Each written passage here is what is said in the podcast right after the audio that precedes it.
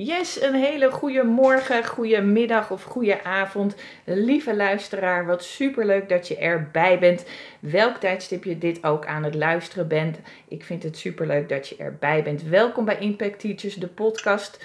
De podcast voor ambitieuze leerkrachten die een missie hebben, die impact willen maken, maar die zichzelf daarbij nog wel eens regelmatig voorbij lopen. En in deze podcast deel ik tips, ik inspireer je, ik motiveer je, ik prikkel je, ik empower je, uh, zodat jij de juiste stappen kunt zetten om binnen het onderwijs goed voor jezelf te zorgen. En in deze aflevering, ja, dit is toch wel een beetje een bijzondere aflevering, want ik ga voor het eerst een aflevering opnemen met uh, iemand die ik ontzettend bewonder en waar ik ontzettend veel zin in heb. Dat is Laura Langens. Um, ze is mastermind coach, inspirator, spreker, entrepreneur en ze schrijft fantastisch gave kinderboeken. Um, en ik heb er ontzettend veel zin in om haar wat vragen te stellen, want die kinderboeken gaan namelijk over de wet van aantrekking voor kinderen.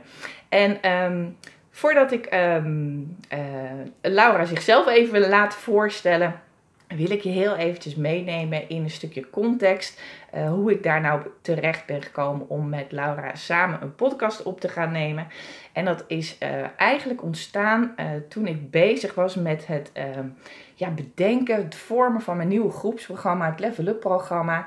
Um, waarbij ik ontzettend wilde kijken naar in wat voor vorm ik graag ja, leerkrachten wil helpen om ook binnen het onderwijs goed voor zichzelf te zorgen. En um, daar had ik hele, hele gave ideeën van, uh, over. Um, individuele coaching, maar ook groepscoaching. Uh, super gave Facebookgroep waar hele leuke dingen in gepland staan. Een online omgeving zit erbij.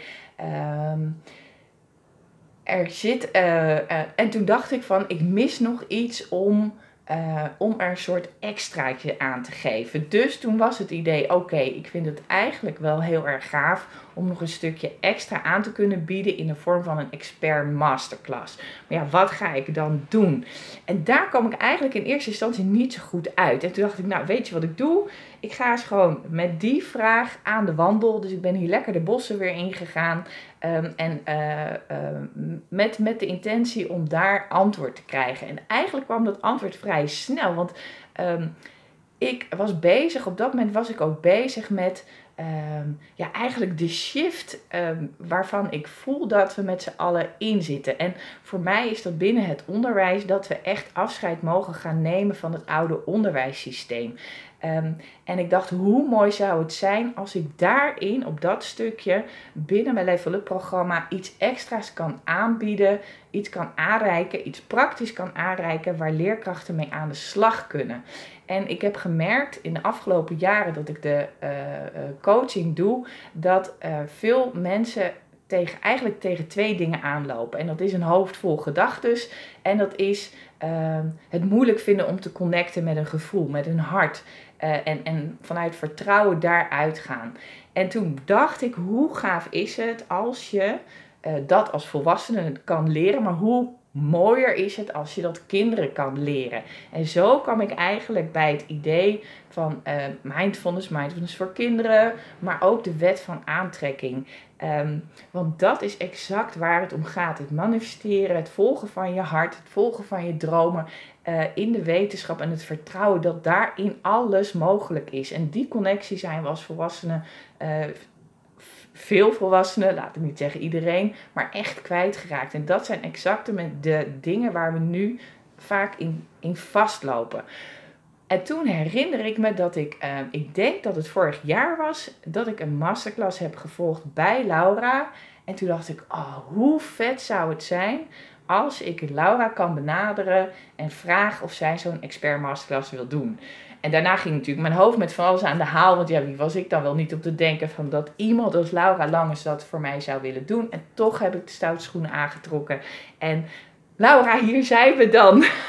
een heel relaas. Stel jezelf voor. Ik vind het super tof dat je er bent. Um, en stel jezelf eventjes voor. Nou, ten eerste, wat een geweldige introductie. uh, stel mezelf even voor. Nou, ik ben dus Langens. Ik uh, woon in een piepklein dorpje in Geffen ben uh, vriendin van Teun. We hebben drie kinderen. Lana van 9, Tijn van bijna 8 en Diede van 4. En daarnaast ben ik kinderboekenschrijfster. Ik heb vier boeken geschreven en in eigen beheer uitgegeven over de wet van de aantrekkingskracht. Nou, je zei het ook al heel mooi, ik ben mastermind coach. Um, en daarnaast ben ik ook organisator van een manifestatie-event. Ja, en dat is een beetje wat ik doe. Ja, superleuk. En ik vind het echt fantastisch dat je tijd in je agenda hebt vrijgemaakt uh, om uh, deze podcast uh, te gaan doen. Dus daarvoor ontzettend bedankt. Um, ik heb een aantal vragen. Ik heb wat vragen in wat groepen gesteld van leerkrachten wat ze leuk vinden om te weten.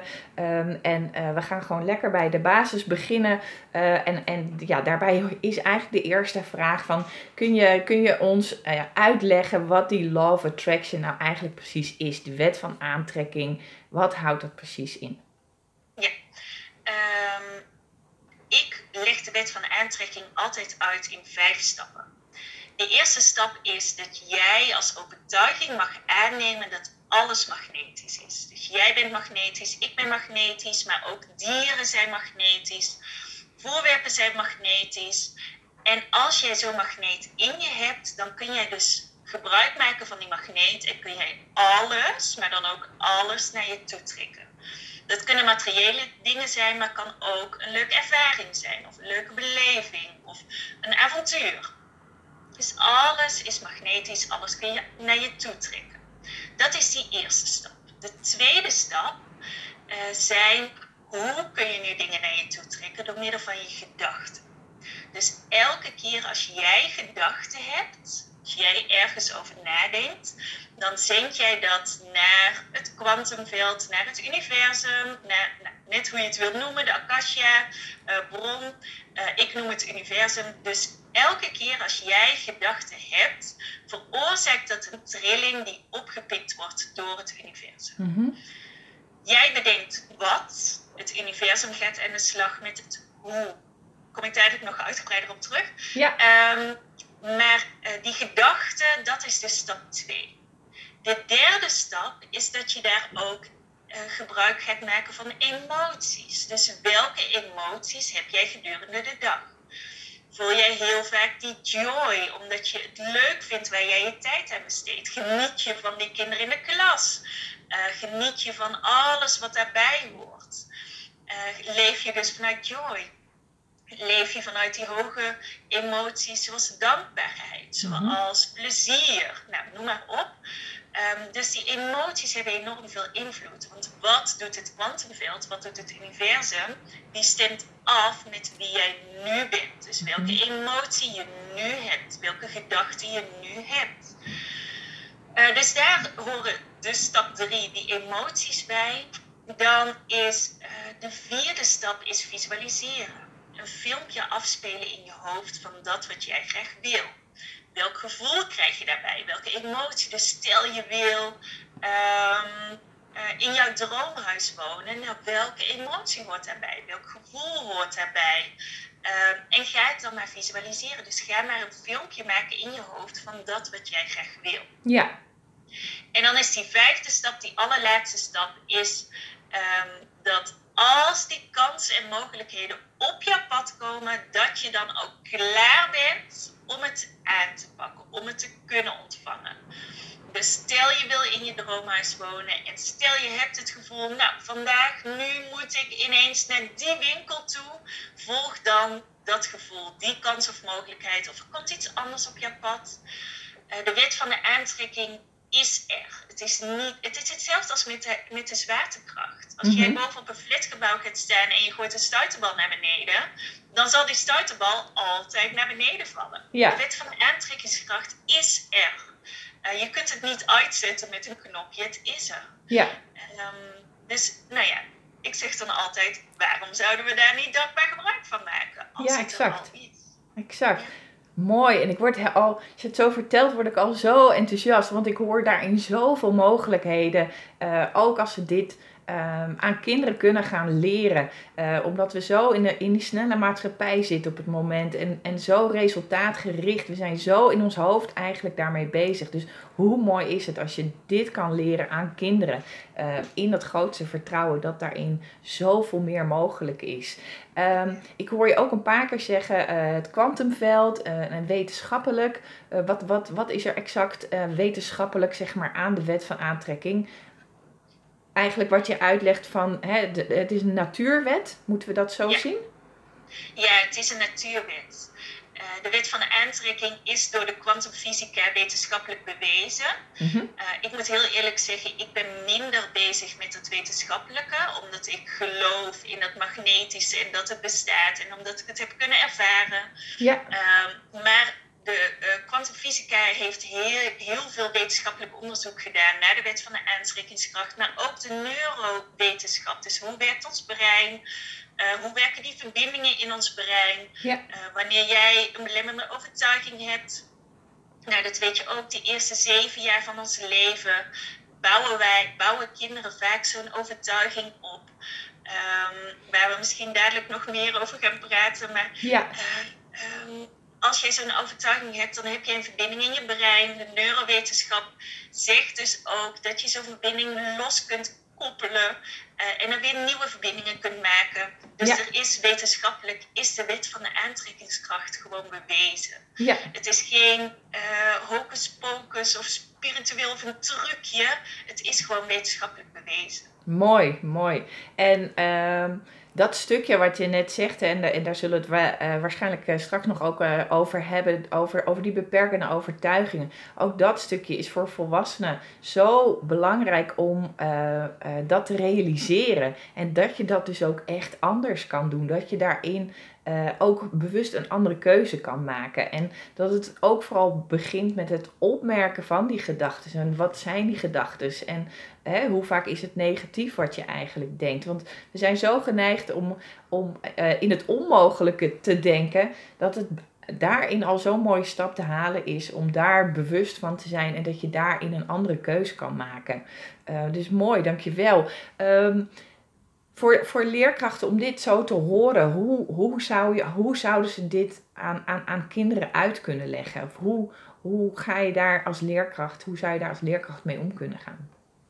Ja, en dit, uh, nou ten eerste wat ik wil zeggen, dit is echt een van mijn missies. Dat, het, dat de wet van de aantrekkingskracht onderdeel wordt van ons onderwijssysteem. Mhm. Ik hoor het jou in jouw introductie ook zeggen. Uh, ik denk persoonlijk, en dan ben ik, moet ik ook meteen erbij zeggen, ik ben geen leerkracht. Ik ben jaren logopedist geweest, maar geen leerkracht. Ja. Maar ik denk persoonlijk dat ons onderwijssysteem erg prestatiegericht is. Mm -hmm. um, en dat vind ik jammer. Ik denk dat als ons onderwijssysteem, en ik merk ook dat het onderwijs daar steeds meer naartoe gaat hoor, naar dat procesgerichte. Ja. Uh, ik denk dat je kinderen daar enorm veel in meegeeft als het meer procesgericht is. Hoe kun je kinderen dit meegeven? Um, nou, ten eerste, de eerste, en misschien is dit voor jullie bekende informatie. Ik, mijn ogen gingen echt open toen ik deze informatie hoorde. De eerste zeven jaar van ons leven um, bouwen wij een bepaalde conditionering een stukje brein van ons is dan in ontwikkeling. Mm -hmm. uh, dat noemen we de cortex, de prefrontale cortex. Ja. Die is in ontwikkeling. Wat doet de cortex onder andere? Die zorgt dat wij kunnen reflecteren. Als die de eerste zeven jaar van ons leven nog in ontwikkeling is, betekent dat dus dat kinderen tot en met zeven jaar nog niet goed kunnen re uh, reflecteren. Ja. Dus die eerste zeven jaar van ons leven nemen wij alles voor waarheid aan. Dus dat betekent dat als op school of als ouders tegen kinderen zeggen tot met zeven jaar: je bent niet goed in taal, je bent niet goed in rekenen, je kunt niet goed tekenen, nemen kinderen dat voor waarheid aan. Ja. Dus wat ik heel graag aan leerkrachten mee wil geven, ga uh, benadrukken waar kinderen wel goed in zijn. Ja. En waar ik vroeger heel erg tegenaan ben gelopen, ja, nu ga ik los, maar waar ik vroeger heel erg tegenaan ben gelopen, is ik was eh, en dat kreeg ik ook regelmatig te horen, ik was niet goed in taal. Ik was niet goed in spelling. Mhm. Eh, grammatica vond ik echt verschrikkelijk.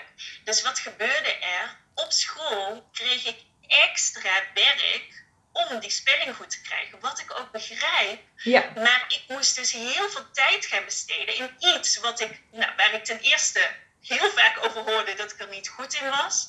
En ten tweede ook iets wat ik totaal niet leuk vond. ja, Daarnaast kreeg ik dat ook nog mee naar huis. Dus thuis in mijn vrije tijd als kind moest ik ook nog iets doen waar ik niet goed in was. ja, Ehm, dus mijn visie is, als dat mogelijk is, ga vooral benadrukken waar kinderen wel goed in zijn. Zodat Ja. ze dat als conditionering meekrijgen.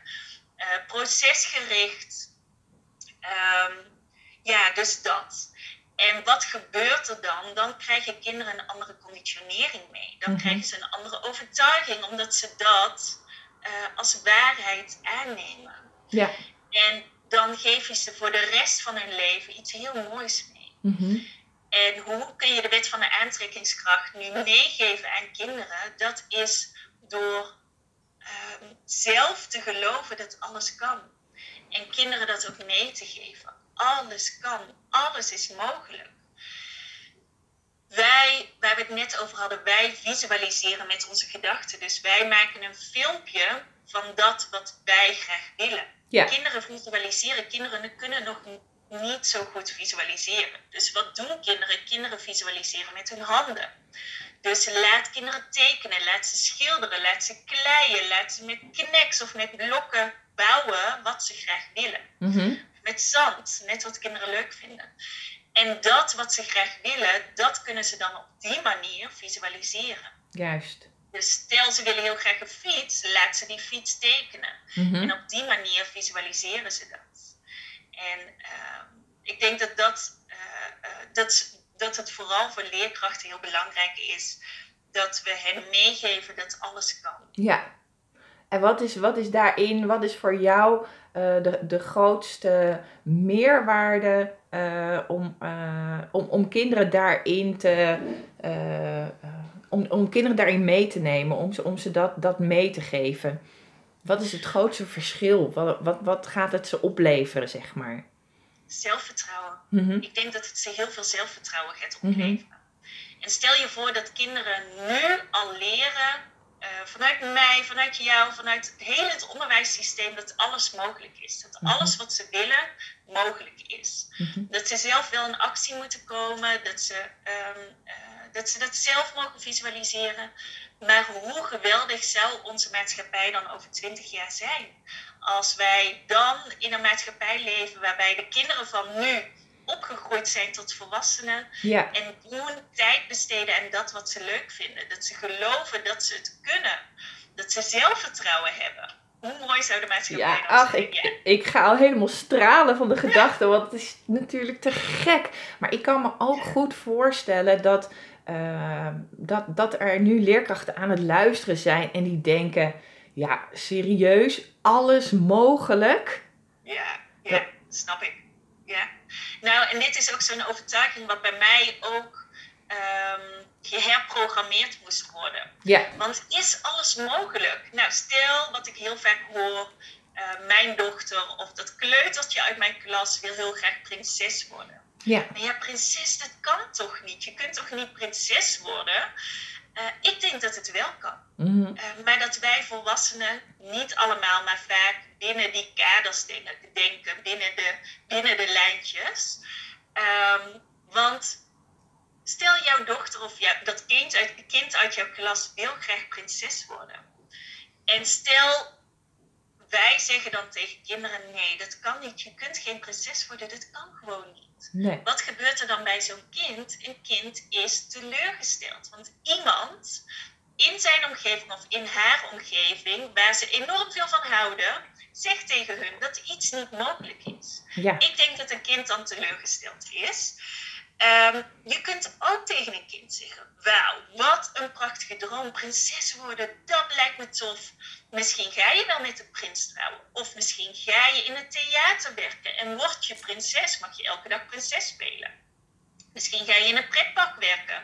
Mag je elke dag prinses spelen. Ja, precies. Um, dus op die manier kan die droom ook uitkomen. En wat geef je kinderen dan mee? Dan geef je ze zelfvertrouwen mee. Want jij gelooft in dat kind, jij gelooft in de droom van dat kind. En het kind gaat dus ook geloven in zichzelf. En gaat geloven in zijn of haar dromen. Mhm.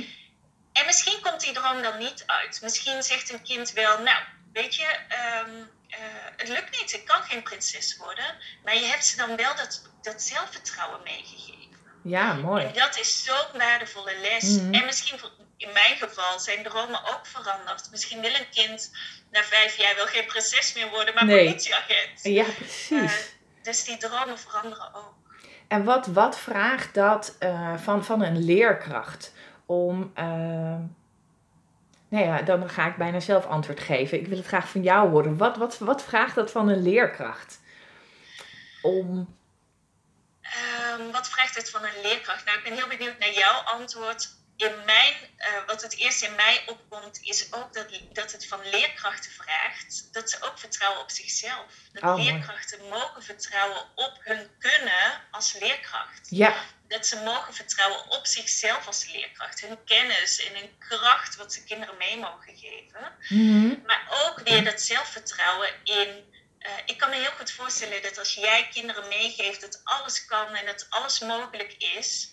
Eh, in onze maatschappij leven nog best veel volwassenen met de gedachte dat niet alles mogelijk is. exact. Dus ik kan me ook voorstellen dat je dan ouders op je, op je stoep hebt staan. Eh, of voor het klaslokaal hebt staan. Die zeggen, ja nou, jij hebt tegen onze dochter gezegd dat ze prinses kan worden. Eh, hallo, dit, eh, hier zijn we het als ouders niet helemaal mee eens. Ja, Dus dan, heb je, dan zul je ook sterk in je schoenen moeten staan. Mhm. Om ze dan wel mee te geven. Ja, maar alles is mogelijk. Misschien gaat ze in het theater werken of waar dan ook. ja, dus ook vraagt het van leerkrachten dat ze zelf ook dat zelfvertrouwen hebben. Maar ja. ik ben ook heel benieuwd wat jouw antwoord is. Ja, ik, exact dat. En eh, ehm, ik denk dat, dat het voor leerkrachten ook een hele mooie kans is om eh, daarin zelf die shift te maken in hun hoofd. Eh, en die Ja. bewustwording dat ze daarin een andere keuze maken. En ik weet ook uit eigen ervaring, maar ook eh, vanuit mijn klanten, eh, wat het, het, het stukje is wat lastig is, is, ja, en dan kom ik toch weer terug als een beetje een oude zeur op, de, op dat, dat oude onderwijssysteem. Maar een, hè, een leerkracht is een- hele dag door gewoon aan het knallen. Van de ene les Ja. door naar de andere les. Die, eh, Jantje moet naar de RT, eh, Klaasje moet naar de, naar de Spaanse les. eh, er gebeurt van alles. Je hebt je instructiegroepjes. nou ja, je, je kent je pappenheimers. Dus je, je bent de hele dag bezig. En, en ik kan me heel goed voorstellen dat... dat daarin voor leerkrachten zeker nog, nog wat te behalen is, maar dat dat stukje wel echt lastig is om eh, eh, dat, dat om te gaan draaien, om dat om te gaan zetten. Ja, ja snap ik. En ik, eh, mijn doel is ook om dit echt van hoog, echt bij de overheid. Stel de overheid zou in heel het landelijk onderwijssysteem dit meenemen. Ja, ik begin daarvan te stralen. Ja. Ehm, Tof. En inderdaad, wat jij ook zegt, eh, en dat besefte, ik, dat besefte ik me al als logopedist, maar ook als moeder. Eh, maar toen we in die lockdown kwamen en het thuisonderwijs kwam, Mhm. ik denk dat toen heel veel ouders wel hun ogen hebben geopend in de zin van. Oh, oh jemig, dit is wat mijn Ja. kind dus allemaal op één dag leert. En dit is wat ik nu met drie van mijn kinderen mag doen. Maar waar een leerkracht dus 20, 30, 35 eh, leerlingen daarin per dag mag begeleiden. Ja, zeker. Eh, Ja, Dus daar ook diep respect voor. ja En mooi. dat mag ook in mijn optiek eh, beter beloond worden, financieel en Ja. op welke manier dan ook. Ja, ja. Ja, en ik, en ik denk, ik, ik weet al van veel scholen die zijn, eh, eh, hè, die, die leren ook van, van, de, van de afgelopen twee jaar. En, en met bijvoorbeeld kleinere klassen. Er ontstaan ook hele nieuwe scholen met, met hele nieuwe visies. En, eh, dus er is wel van alles in, in beweging en in ontwikkeling. En dat, dat denk ik dat dat super tof is. En ja, ik deel natuurlijk jouw missie en jouw visie over ja, hoe gaaf zou het zijn als het zelfs op, op overheidsniveau, dat we dit soort dingen met, ehm, ja, in, in het onderwijs kunnen gaan aanpassen. Want Ehm, dat is exact waar, waarom er gewoon nu zoveel volwassenen met een burn-out thuis zitten. Uh, dat ze niet goed weten waar ze, uh, wat, ze willen, waar ze blij van worden. Durven daar absoluut ook niet op te vertrouwen. Uh, dus daar zoveel winst in, in te behalen. en ja, echt een super mooie missie. Um, denk je dat het belangrijk is voor leerkrachten om dan um, die wet van aantrekking zelf uh, goed te beheersen, zeg maar. Om daarin zelf uh, het voorbeeld te kunnen zijn? Goeie vraag, goeie vraag. Even denken. Nou, ik denk dat het voor leerkrachten uh, sowieso enorm waardevol is om ook aandacht te besteden aan hun eigen ontwikkeling. Uh, vinden ze het leuk om drie, vier, vijf dagen voor de, van de week voor die klas te staan? Mm Waar besteden ze hun eigen tijd aan? Hoe is hun zelfontwikkeling?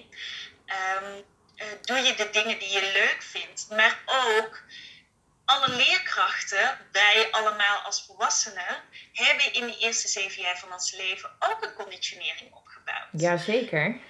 Ik denk dat het heel goed is, uh, voor, of dat het nu voor leerkrachten is of voor bouwvakkers of voor, nou maakt niet uit. Um, ik denk dat het heel goed is dat iedereen aandacht gaat besteden aan hun eigen zelfontwikkeling. Ja. Um, aan hun eigen belemmerende overtuigingen die ze de eerste zeven jaar van hun leven mee hebben gekregen. En die dus onderdeel is van hun systeem. Mm-hmm. En die ze nu als volwassenen nog steeds meenemen. En onbewust dus ook doorgeven aan eigen kinderen of kinderen uit de klas. Ja. Moet je de wet van de aantrekkingskracht goed beheersen om die wet ook over te brengen? Nee, ik denk het niet, want de wet is er. Het is een universele wet. Ja. Um, het is een natuurwet. Um, ik denk dat het wel krachtiger is als je vanuit je eigen ervaring kunt vertellen. Ja. Uh, dus dat denk ik wel. Mm -hmm. uh, maar dat is hetzelfde als jij kunt als leerkracht uh, minder goed zijn in rekenen, maar je kunt leerlingen wel vertellen en leren Precies. hoe ze moeten rekenen. Mm -hmm. dus in principe is dat hetzelfde. Ja, mooi. En uh, is er nog een bepaalde leeftijd voor kinderen uh, om, om, om dit, vanaf welke leeftijd is dit goed om op te gaan pakken? Of zeg je van nou, hoe eerder hoe beter? Of hoe kijk jij daarnaar? Vanaf geboorte. Ja. Vanaf geboorte, als een kindje wordt geboren, gaan ze al imiteren. Mm -hmm. Een baby van een paar weken oud of van een paar uur oud, uh, als jij jouw tongetje uitsteekt, zal hij jou imiteren of zal zij jou imiteren. Dus kinderen imiteren al vanaf hun geboorte. Ja. Dus als jij vanaf hun geboorte, zij zijn jou, of jij bent hun voorbeeld. Dus uh, als jij hen vanaf geboorte al meegeeft, nou, ik besteed aandacht aan mijn zelfontwikkeling, ik doe wat ik leuk vind, ik besteed hier mijn tijd aan. Dit is de wet van de aantrekkingskracht. Dan geef je hen daarin het voorbeeld. Dan ja. geef je hen daar een hele waardevolle les mee. Ja. Um, dus eigenlijk vanaf geboorte al. En je kunt ze, uh, nou, dat weten jullie ook. Um, voorlezen kan al vanaf drie maanden, vanaf zes maanden kun je kinderen echt al voorlezen. Um, ja, dus mijn visie is, het kan vanaf uh, geboorte af aan. Mooi, mooi. En, en, en je, hebt, uh, je hebt zelf een paar hele mooie kinderboeken geschreven.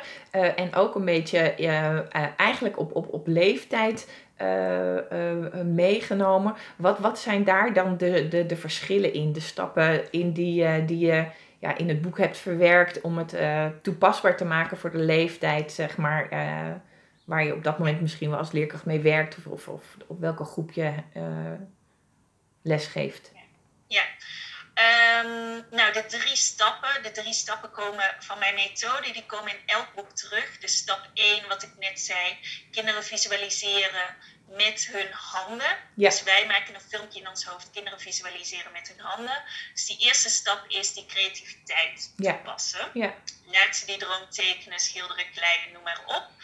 De tweede stap is dat je die tekening ergens in huis ophangt en dat je elke dag uh, naar die tekening kijkt alsof je het al hebt. Dus hoe zou jouw gezicht eruit zien als je uh, die fiets hebt ontvangen? Hoe zou het voelen in je buik als je die fiets hebt ontvangen? Dus dat is die tweede stap, die emotie, die gedachte. En de derde stap is, zie die kansen en mogelijkheden. Dus wees klaar om het te ontvangen. Dus misschien ehm, eh, als je die fiets wil, ga je alvast een plekje vrijmaken in de schuur. Of misschien ga je alvast een sleutelhanger maken. Wees klaar om het te ontvangen. Dus die drie stappen die komen in elk boek terug. Ja. Uh, mijn eerste boek Droomwens is geschreven voor kinderen van 2 tot en met 7 jaar oud ongeveer. Mhm. Um, dus dat is echt een prentenboek, een voorleesboek met hele mooie prenten, hele grote prenten, weinig tekst, uh, waarin echt die stappen wordt uitgelegd. Um, dus dat is voor de jongere kindjes. Uh, mijn tweede en derde boek uh, is eigenlijk hetzelfde verhaal. Mhm. Maar het ene boek gaat over een jongetje wat heel graag een draak wil. En het andere boek gaat over een meisje dat heel graag een eenhoorn wil. Ja. Wie wil dat Ehm, nou dus dat niet? is- Ja. Wat zei je? Wie wil dat nou niet? Ja, ik snap dat. Ja. Inderdaad. Maar dan wordt er door heel veel volwassenen gezegd: nee, dat kan niet. Je kunt geen draak, je kunt geen eenhoorn. Nou, ik zal geen spoiler alert doen, maar het komt uit. Eh, hoe moet je maar in een boek lezen? Ja. Ehm, maar eh, die twee boeken zijn echt voor oudere kinderen. Dus de- daarin staan minder prenten, eh, meer tekst. Ehm, dus die is geschreven voor kinderen van 6 tot en met 10 jaar oud ongeveer. Ja. En dan mijn vierde boek is weer echt voor peutertjes, kleutertjes. Hm. En dat gaat niet zozeer over de wet van de aantrekkingskracht. Het zit er wel, daar komen niet die drie stappen in voor, maar meer alles kan. Je kunt prinses worden, je kunt je hele leven reizen, je kunt indiaan worden, je kunt, nou noem maar op. Ehm, daar gaat dat vierde boek vooral over. Mooi. En, eh, en, en hoe, hoe kijk je naar eh, de, ja, die onmogelijke wensen van kinderen? Dus, dus hè, we hebben al dat stukje behandeld van hè, prinses worden. Eh, en, en waarvan de volwassenen zeggen, nou, eh, dat, eh, dat, dat gaat niet zomaar. Maar er zijn ook meer onmogelijke wensen van ehm, eh, misschien wel een huisdier die, die ziek is geworden en, en, en is overleden. Of misschien een opa of een oma. Ehm, ik weet uit, uit, uit mijn tijd dat ik en de kinderyoga gaf en, en de mindfulness trainingen gaf in, in het onderwijs, kwam dat regelmatig ja, als wens, verlangen naar voren. Ja. Hoe Ja. kijk je daarnaar? Wat, hoe, hoe kun je daarmee omgaan? Ehm, nou, ten eerste, kijk altijd wat er achter die droom zit. Eh, kinderen die soms eh, wensen of dromen dat ze een broertje of zusje krijgen, wat zit daarachter? Voelt het kind zich eenzaam? Mhm. Eh, is er een bepaald gemis ehm, wat ook op een andere manier opgevuld kan worden? Ehm, eh, dus kijk altijd wat er achter die droom schuilt. Ja, Daarnaast ben ik er ook van overtuigd dat alles mogelijk is. Dus als ouders tegen mij zeggen: ehm, Mijn kind wil een broertje of zusje, dan vraag ik: Is de kans 100% aanwezig dat dat niet uitkomt? Mhm. Eh, en vaak zeggen ouders dan: Ja, nee, ja. Nou, weet je, er is altijd een 0,000% kans, Ja, eh, precies. 0,01% kans dat het misschien gebeurt, maar die kans is gewoon heel klein. ja, Dus mijn eerste advies zou dan zijn: kijk wat er achter die droom zit. ja. En mijn tweede advies zou zijn: geef je kind wel dat vertrouwen. Mhm. Dus zeg niet tegen een kind: ehm, nee, je, je kunt geen broertje of zusje meer krijgen. Dat kan niet. Eh, want dan stel je een kind teleur. Dan, ehm, ehm, hoe moet ik dat zeggen? Dan, eh, eh, dan geef je, je een kind minder zelfvertrouwen mee, in mijn Ja. optiek. ja. Je kunt ook zeggen, nou, papa en mama willen geen kindje meer. Mhm. Wij houden heel veel van jou. ehm, eh, en dat is voor ons genoeg, dat is voor ons oké.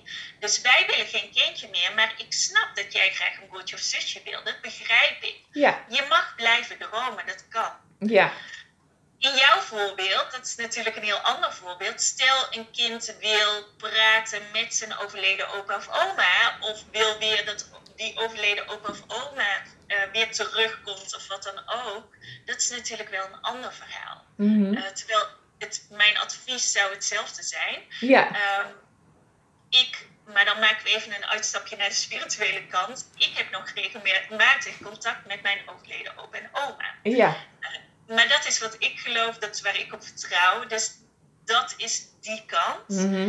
Ehm, mijn advies zou dan zijn, wat zit erachter? Zit er een groot gemis achter? Kan dat gemis opgevuld worden met iets anders? Um, ja, dus dat zou mijn advies dan zijn. En, en eigenlijk is daarin het stukje van, ehm, wat, je, wat ik eigenlijk wil zeggen is, uh, neem het serieus wat een kind zegt. Neem het serieus en geef het het gevoel dat het serieus genomen wordt. Ja. nou, hoor ik je ook zeggen van hè, anders wordt het kind teleurgesteld. Nou, kan ik me ook voorstellen dat er luisteraars luisteren en die zeggen: Ja, jongens, uh, teleurstelling hoort ook een beetje bij het leven. Ik bedoel, hè, we kunnen niet altijd maar uh, in een uh, met de glazen meldjes en dat. Ja, en ook daar ben ik het mee eens. Teleurstelling hoort bij het leven. Ehm, maar ik ben het ook uh, ik ben heel erg van mening, als wij volwassenen tegen kinderen zeggen, dat kan niet, het kan gewoon niet, mhm. dan is een kind teleurgesteld. Ja. En daar ben ik het niet zo mee eens. Ik ben het eens met een teleurstelling die door een situatie wordt, nou, waar je niet onderuit kunt. Dus stel een kind wil, uh, nou noem eens iets, wil heel graag een broodje of zusje. Um, ik geloof heel sterk dat als wij kinderen meegeven dat, um, dat ze zich gehoord mogen voelen, mhm. dat ze dat mogen blijven dromen, ja. dat wij kinderen dan vertrouwen meegeven, zelfvertrouwen meegeven. Dat wij uh, vertrouwen in het kind, dat wij vertrouwen in, op de droom van het kind, in de droom van het kind. Um, misschien na een jaar, na twee jaar of na een half jaar is dat kind teleurgesteld omdat hij er al niet uitkomt. Ja. En die teleurstelling, die hoort bij het leven. Precies, mooi. Snap ja. je? Ja. Maar wat gebeurt er dan? Wij hebben als volwassenen hebben wij dat kind al vertrouwen gegeven en zelfvertrouwen gegeven. Exact. En als een kind zelfvertrouwen heeft, kan die heel gemakkelijk omgaan met, met teleurstelling. Absoluut.